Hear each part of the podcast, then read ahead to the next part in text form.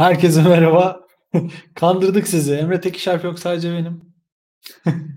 şaka. Hem kötü şaka için de özür dilerim. Emre Bey'in gelmesini bekliyorum. Ee, o sırada e, size bu programdan biraz bahsedeyim istedim. Geldi.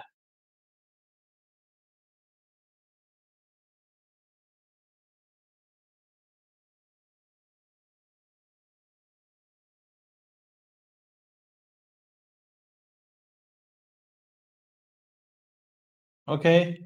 Geliyor. Ee, geldi bile. Güzel bir oyun olacak. Sesin olmadı lazım. Sesi ben kapattım çünkü az önce. Ondan yok.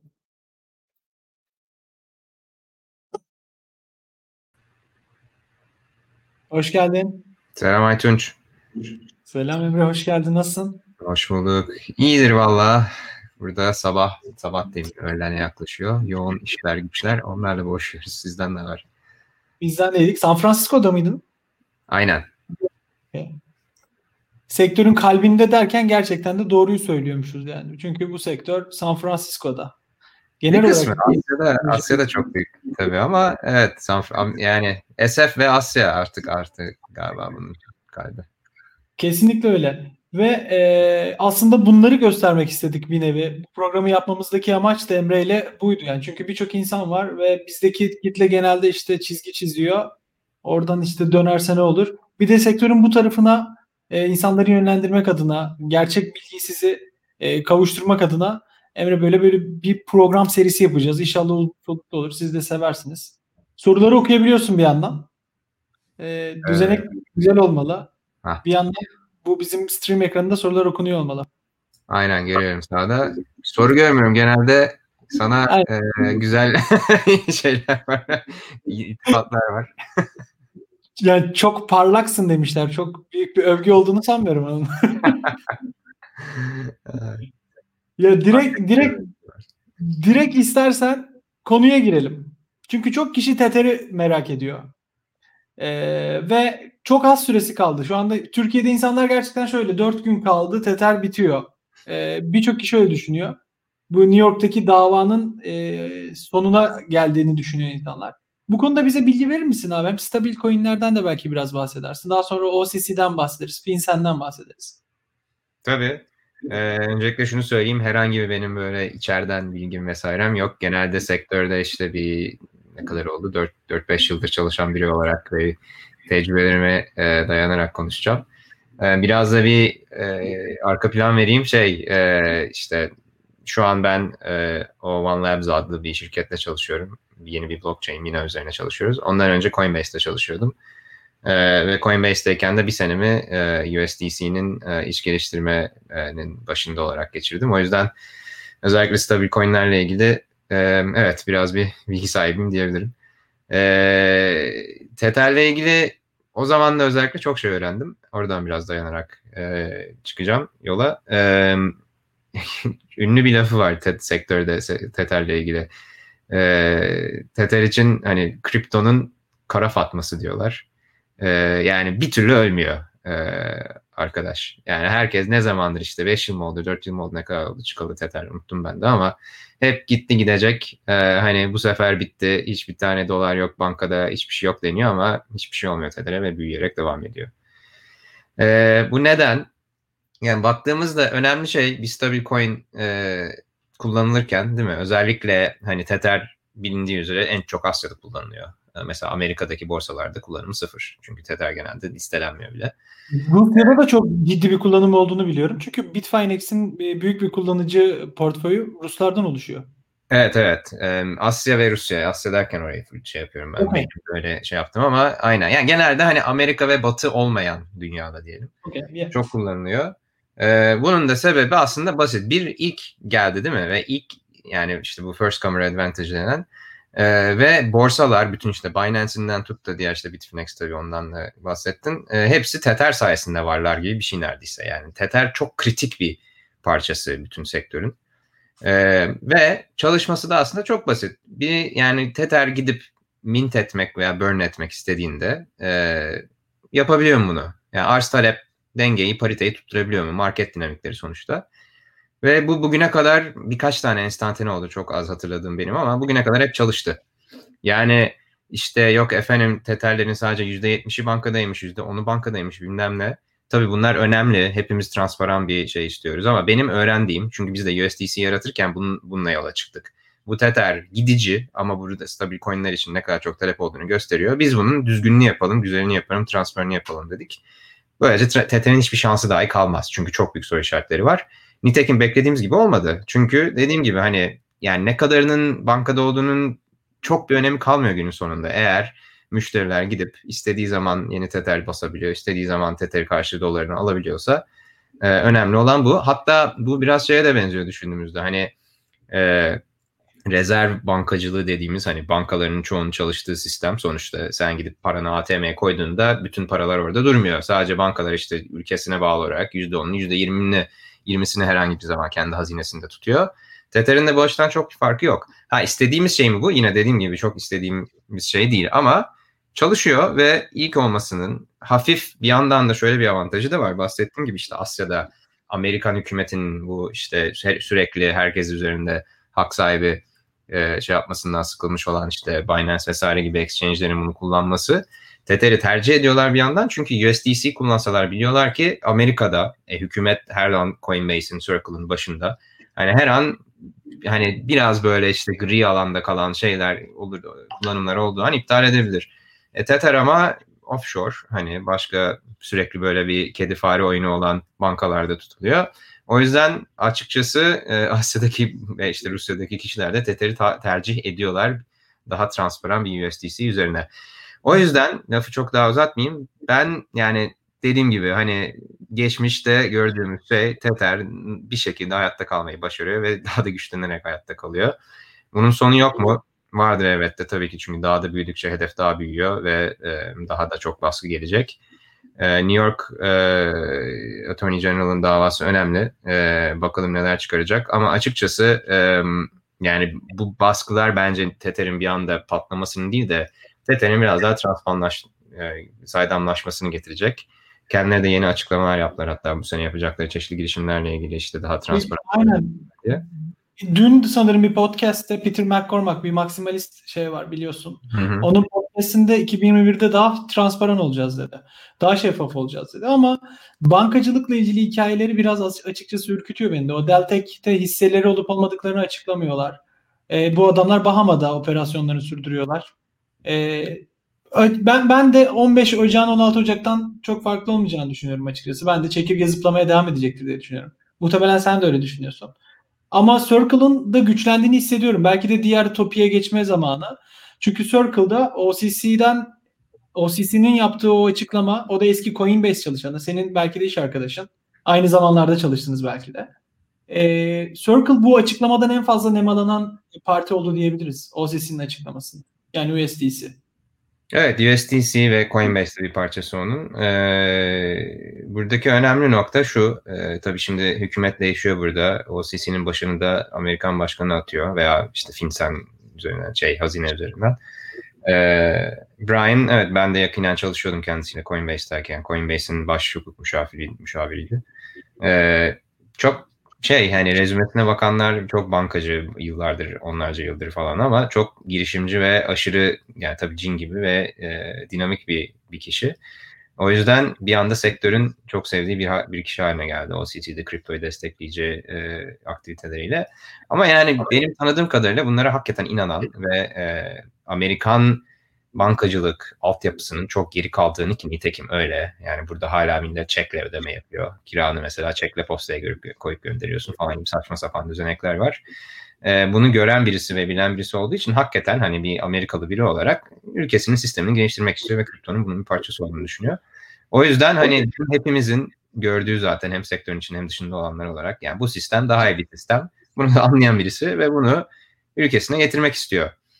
Ee, bu bağlamda da işte USDC tabii çünkü Brian da çok işin içindeydi, için, içindeydi yaratılırken. E, bir hatırlatmam gerekirse Coinbase ve Circle'ın beraber ortak bir joint venture olan Central adlı bir kurum tarafından çıkarılıyor ve e, son rakamları bilmiyorum ama hani Coinbase'de Circle'da hemen hemen benzer miktarlarda USDC basıyorlar. Ee, gerçekten çok hani onlar için faydalı ama genel olarak sektör için faydalı. Çünkü hem bu sadece yayınladıkları çeşitli e, bildiriler USDC ile ilgili değil, aynı zamanda bankaların blockchain'leri kullanabilmesiyle ilgili. Stabil coin kullananlar, bitcoin kullananlar, ether kullananlar o ayrı ama diyor ki açıkçası arkadaşlar bu sistem çalışan bir sistemdir. Siz banka olarak bunu kullanmak isterseniz transferleriniz için hay hay yapabilirsiniz. E, Ripple'ın yıllardır anlattığı hikaye. O da çok enteresan. Ripple'da da ben 2015 yılında bir birkaç ay çalışmıştım. Staj şeklinde. E, o zaman anlattıkları hikayelerle şimdi anlattıkları hikayeler aynı. Benim için en büyük zaten. Bir tweet atacağım. Bir saniye. aman aman aman. ee, bur- burada konuşulan burada kalsın diyeceğim. Burası da tabii herkese şey.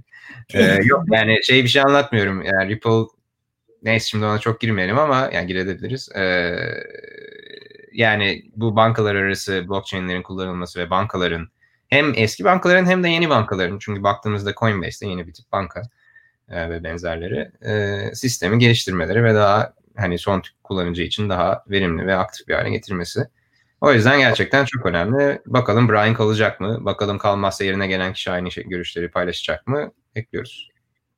Ya bir Brian'dan diğer Brian'a geçmek istiyordum ama aklıma bir şey düştü sen bunları anlatırken. Şimdi stable coin'lerin hep faydalı olduğunu söylüyoruz. Stable coin'ler belki şu son OCC açıklamasıyla gerçekten faydalı olacak. Çünkü settlement aracı olarak kullanılacaklar. Ama bundan evvel yani stable coin'ler faydalı mıydı diye düşünüyorum ben. Çünkü stable coin olmasalar şimdi buradaki bu yayını dinleyen insanlar hep numbers goes yükselsin istiyorlar. Mu. Stable coin olmasalar belki Bitcoin'in baz para olması konusunda en azından kripto para piyasasında e, şansı daha fazlaydı. Ama şu anda kaç mi 20 milyar 20 milyardan daha fazla Tether var muhtemelen. Evet 25'ti galiba işte diğerlerini toplarsak herhalde bir 30-35 milyar stabil para var. Yani güzel bir soru ama bir yandan da şöyle düşünebiliriz. Ee, bir şimdi yani her şeyi değiştiremeyiz bir anda değil mi? Hani sonuçta tamam Bitcoin tabii daha iyi bir paradır değildir tartışılır ama yani günümüzde hala insanların %99'u fiyat para dediğimiz işte stabil paralarla hani e, çalışıyorlar ve hani bir anda yani şimdi Bitcoin'i herkesin kullandığı para haline getireceğiz. Blockchain'ler daha iyi bir teknoloji mi olacak?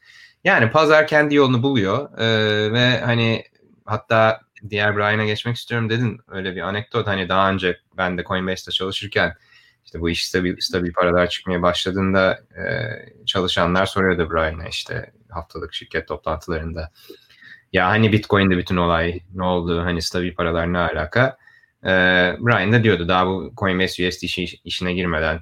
Yani diyordu bence hani evet Bitcoin ileride stabilleşecek ve daha kullanışlı hale gelecek ama o zaman içerisinde hani bu stabil coinlerin de bir kullanım alanı var gerçekten ki var nitekim. Ve Bitcoin yani, nasıl? Bir ara form yani diyorsun. Yani bir, bir zaman sonra yani Bitcoin bütün dünyadaki paraları yok edecek mi tartışırız. Bence etmeyecek. Çok gerçekçi değil ama e, evet yani sonuçta şöyle de bakabilirsiniz. Stabil coinler sayesinde Ether çıkıyor. E, bunun kripto parayla stabil coinler üzerinden kullanmayı öğrenen kişi Bitcoin'i öğreniyor. Bitcoin'e giriyor. Yani hani bu şey değil hani e, mutually exclusive derler İngilizce'de. Yani ikisinden biri olacak değil illa hani e, ikisi de birbirini destekleyen gelişmeler. O yüzden bence pozitif. Diğer Brian'e geçelim o zaman. Diğer Brian çok garip bir adam. Ben bu son dedikoduları bilenler vardır. Belki bilmeyenler vardır. Onu da bir yandan yansıtayım. Ee, OCC'de yansıtacaktım unuttum.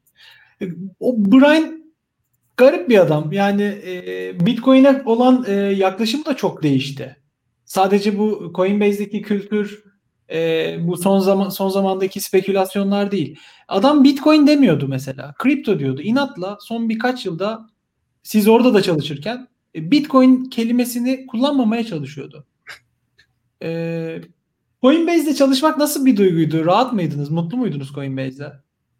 Coinbase'de çalışmak çok iyiydi. Ben bu konuda yazı da yazdım hatta Coinbase'den ayrılırken. İngilizce maalesef ama paylaşabilirim sonra. Ee, yani Coinbase hani sektörün zaten biliyoruz en önde gelen şirketlerinden ama hakikaten kazanım hak edilmiş bir şekilde. Ee, ve burada hani politik olmak amacıyla söylemiyorum. Yani gerçekten düşüncelerim bu şekilde. Ee, çok şey öğrendim. Çok hani gerek şu an hala çalışanlar gerek eskiden çalışmış olanlar hakikaten çok çok çok zehir gibi cin gibi arkadaşlar.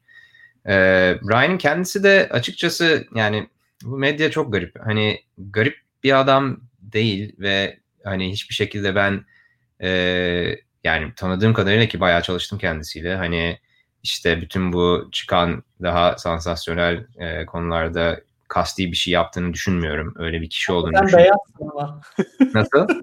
ama sen beyazsın bir de o var. Yok yok evet ama tanıyorum ya sonuçta bir sürü çalışma arkadaşım oldu hani gerek e, hani hani daha kötü davranıldığı iddia edilen kategorilerde sebeplerini de açıklayacağım niye bu şekilde istatistikler oluşmuş olabilir ama ya Brian hani nerd diye tabir edeceğimiz hani hakikaten hani bu Silikon Vadisi kafasında daha hani kod yazayım, geliştireyim sistemleri ve daha iyi bir çözüm yaratayım diyen e, ve bazen belki de hani yani ne bileyim hani tartışılır bu eminim şirkette çok tartışılıyor zaten biliyorum hala orada çalışan arkadaşlarım üzerinden ama e, hani arkadaşlar biz bir problem çözmeye çalışıyoruz o probleme odaklanıp çözelim diye kendince net ama basit bakan ama belki de biraz naif bakan e, bir bakış açısına gelen bir kişi. Ama yani tanıdığım kadarıyla hani garip değil, e, kötü şeyleri yok, e, amaçları yok veya garip e, dünya bakışları yok. E, bu çıkan bütün işte kadınlara az para, senin koyduğun gibi siyah çalışanlara az para veriyor vesaire. Doğru olabilir dataları bilmiyorum. E, bildiğim datalarda mesela böyle şeyler yok bu arada. Hani malum e, çalışma arkadaşlarımdan hani maaşlarını bildiğim var ve benim kendi aldığım maaşla bilerek hani bir farklılık görmüyorduk. E, bunun sebebi şöyle. E, ben Coinbase'e 2017 yılında girdim. 120 çalışan, 120. falandım. 110 veya 120. E, 2018'in ortalarında, 2017'nin ortasına girmiştim. 800 çalışanlık. Şimdi hangi şirket bir anda 8-10 katına çıkarsa bu tür e, sorunlar yaşıyor. Neden? Çünkü yani bir anda büyük şirketlerde bütün işte ücretlerin ödemeleri mesai standartlaşması hani büyü, büyüleyici bir şekilde olmuyor. Hani direkt birilerinin bunun üzerine çalışması lazım. Fakat bu tip şirketler büyürken, çünkü hep, hepimiz yaşadık 2017 bir anda patlamasını, her şey çöküyor, herkes Bitcoin almak istiyor. E şirkette kar amacı güden bir şirket olduğu için öncelikli olarak yatırım yaptığı alanlar işte mühendislik alanları olsun, daha nasıl büyüyebiliriz, daha çok nasıl para kazanabiliriz olsun bu alanlarda. Her zaman için işte HR'da e, çeşitli başka kültürel olan şeyleri olsun daha sonra geliyor. O kişiler hire ediliyor. Onlar geldikten takıma katıldıktan sonra bazı şeylerin olması zaman alıyor. Baktığınızda da bu e, şeye sen de koymuşsun zaten e, grafiğin altına. 2018 yılındaki bu e, evet. datalar. Bu haksız yapmıyor. Haksız bu. Bunun olmuş olması. E, ama yani daha sonra zaten New York Times artikelinde de çıktı. E, hani düzelttiler bunları ve şu an bakıldığında ki benim bu e, makaleye olan eleştirimde ya arkadaşım evet 2018'de bir yanlış yapılmış ama şu anki datayı da koy. 2020-2021 datasını da koy. Bakalım ne olmuş. E, buna bakılmamış mesela. O yüzden hani basın burada illa hani tabii ki haklı şeyleri yüz üstüne çıkarıyor ama %100 haksız, e, şirket %100 haksız veya e, şey kötü amaçlar elde etmek için yapmış olduğu bir şey değil. Tamamen buna beceriksizlik mi dersin, e, yetişememek mi dersin, e, yavaş kalmak mı dersin? O sebeplerle olmuş şeyler. Hata mı? Hata ama e, düzeltiyorlar. Düzeltmek de kendi işlerine gelen bir şey. Çünkü sonuçta e, daha çok büyümek istiyorlar ve e, çalışanlarına iyi bir ortam sağlamak istiyorlar. E, gerçekten doğru. Bayağı da eleştiri var New York Times'a. E, bilhassa Brian'ın apolitik olma çağrısından sonra bu haberler yapılmaya başladı. Aslında biraz da hedef gösteriliyorlar. E, onu da hissettiriyorlar. E, ne olacağını bilmiyoruz şimdi. E, yeni yönetimle birlikte FTX'in e, CEO'su var bir tane. O da tam bir nerd. E, sen seni biliyorsundur. O da 5 milyon dolar e, donate etti Biden'a. E, ben o paranın genel olarak kripto para sektörüne fayda sağlayacağını düşünüyorum. Sonuçta e, bireysel bir torpil yapacak gibi bir durum söz konusu değil. Bizi e, öyle bir öyle bir şey olacağını beklemiyorum. Ama FT, şey Coinbase'i de e, ciddi rakipler bekliyor diye düşünüyorum Amerika'da. Çok hacimlerin kaçtığını falan duyuyoruz. Yani FTX bu arada Amerika'da hizmet vermiyor. Ee, FTX diye bir borsa var ama FTX US diye bir borsa var. Var ama çok küçük yine baktığımızda volümlerine. Ya bunların sebebi de şu. Coinbase'de nitekim çok baktı buna. Yani Amerika'da işte ben bu projenin üzerine çalışmıştım hatta bu tür daha derivatif ürünler sağlanabilir mi diye zor yani olmuyor ve değmiyor ve FTX'e baktığımızda hacimlerinin buraya gelmesinin sebebi süre, tamamen sentetik e, ürünler, türevler olsun işte sentetik stok sunması olsun vesaire.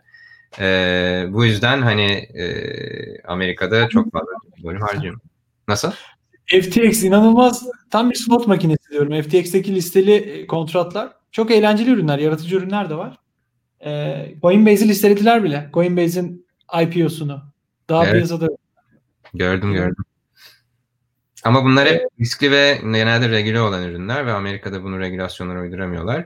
Bu arada son bir şey daha diyeceğim. Ee, iş bu tür ürünleri trade etmesini bilenler vesaire için tabii ki insan şey diye bakıyor. Ben de eskiden böyle bakıyordum. Ya niye engelliyor bunu Amerika vesaire ama haklı sebepleri var. Yani düşündüğümüzde ne kadar çok insan bu tip işte gerek ya ICO'lar demiyorum bunu ama hani ki onlar zaten bir kenara koyalım. İşte türev ürünleri vesaire yani çok az insan bunları trade etmesini biliyor ve e, çoğu insanın da canı yanıyor. O yüzden regülasyon tabii bazen çok fazla oluyor e, ama genelde kötü bir şey değil ve açıkçası kripto gör, kriptoda gördüğümüz bazı şeylere baktığımızda ben genelde yani SEC'yi haklı buluyorum. E, demek değil ki her şeyi doğru yapıyorlar. E, bir sürü şeyi de çok fazla engelliyorlar ama e, amaç sonuçta vatandaşın e, para kaybetmeme veya haksız yere para kaybetmesini engellemek onu da yapıyorlar. İki şey konuşalım o zaman. Bir SAC dedin. Ripple'ı konuşalım abi. Bir de e, ikinci konuda da FinCEN'in e, stable coinlerle ilgili e, yapmak istediğini konuşalım. Madem şeyden konuştuk. Regülasyonların e, gelişmeyi durdurup durdurmayacağından bahsettik. Ripple'da da sen de çalışmışsın. Ripple'ın geleceğini nasıl görüyorsun? Ya da bu davayı yorumlamak ister misin? Atlayabiliriz bu soruyu. Ya Ripple yani kişisel görüşlerimi paylaşacağım Ripple ile ilgili ve niye bu noktaya gelindi bence. Ripple e, evet yani dediğim gibi daha 5 yıl oluyor o yüzden şirket değişmiş olabilir ama hani tanıdıklarım da var sonuçta. E, şöyle garip bir durumda şirket. E, bir kere hani çalışanlar yine klasik işte burada Silikon Vadisi'ndeki işte hani başarılı çalışkan mühendisler ve hani hakikaten çoğu hakikaten daha iyi bir ürün ve daha iyi bir çözüm getirmek istiyorlar e, buradaki kötü bankacılık altyapısına. Fakat bu XRP denilen artık illet mi dersin? şey ne de altın yumurtlayan tavuk mu dersin? Adamları çok garip bir duruma sokuyor. Çünkü neden? Bir kere şirket para kazanmıyor veya çok az kazanıyor.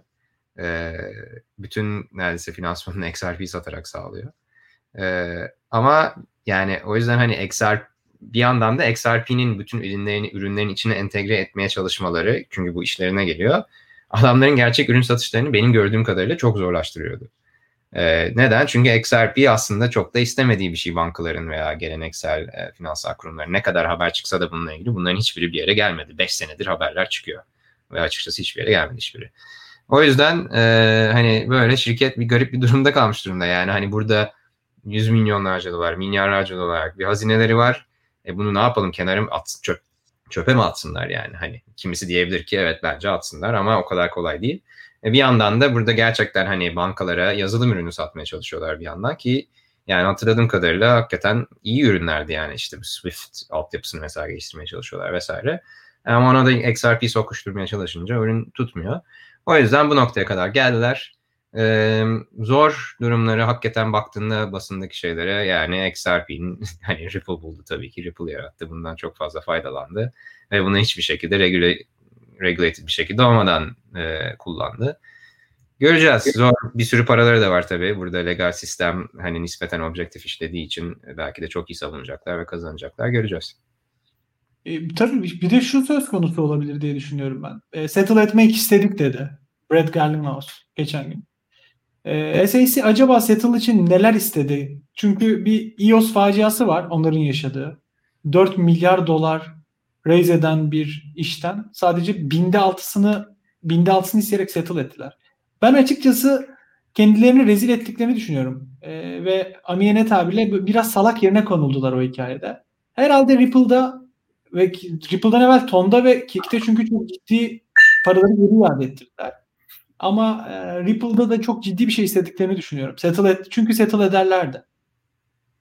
Evet ben bilmiyorum yani bilemem ee, ama dediklerin doğru. Hani şaka sektörde konuşulan şaka hani iOS'un listeleme ücreti ödediğiydi SEC'ye.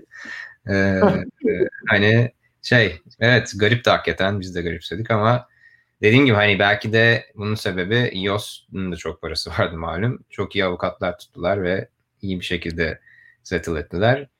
Göreceğiz bakalım şimdi ne olacak. Hakikaten dediğin gibi mi yoksa başka şeyler mi dönüyor bilmiyorum ben de. Herhalde Şubat 22'de bir e, ilk görüşmelerini yapacaklar. Yeni e, SAC ise. Bakalım ne olacak. Bakalım. Peki Stable Act ile ilgili ne düşünüyorsun hocam? Stable Act geliyor. Vincent. İnsanlar devamlı biz, bize de yazıyorlar. Artık gidin yorum yapın. Amerika'da olmanıza gerek yok. ee, şeyler yazın Vincent'e. Ee, bir yani, de Vincent etkili yani. Sek, evet. CAC değil. Birisi ceza kesiyor. Diğeri direkt hapise atıyor. aynen aynen. Şimdi birkaç şey var burada. Stable Act e, aslında iki farklı şey var. Stable Act kongre üyelerinin bazılarının önerdiği e, stable coinlerin regülasyonu ile ilgili. O farklı. Bir de FinCEN'in önerdiği e, cüzdanların regülasyonu ile ilgili bir nokta var.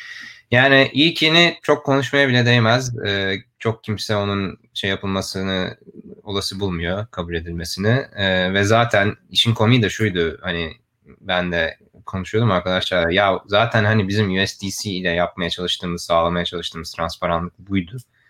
Ee, bir tek orada tek noktada ileri getirdiler. Dediler ki stablecoin çıkaranlar e, bankacılık lisansı almak zorundadır.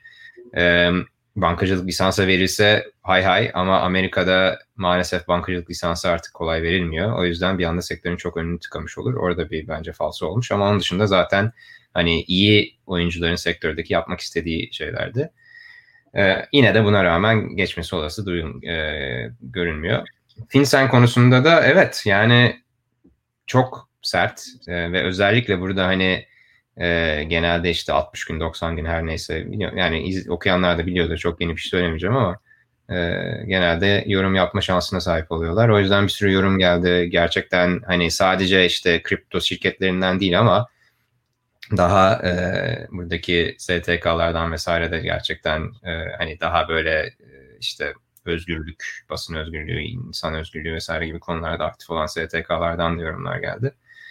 Bakalım ne olacak? E, galiba ne, bilmiyorum yani hani işte 9 gün içerisinde bir şey oldu oldu. Yoksa yeni hükümet gelecek ve yalan olacak. Ee, bakıyoruz, gör, izliyoruz yani. Ee, bilmiyorum ne olacak. Enteresan.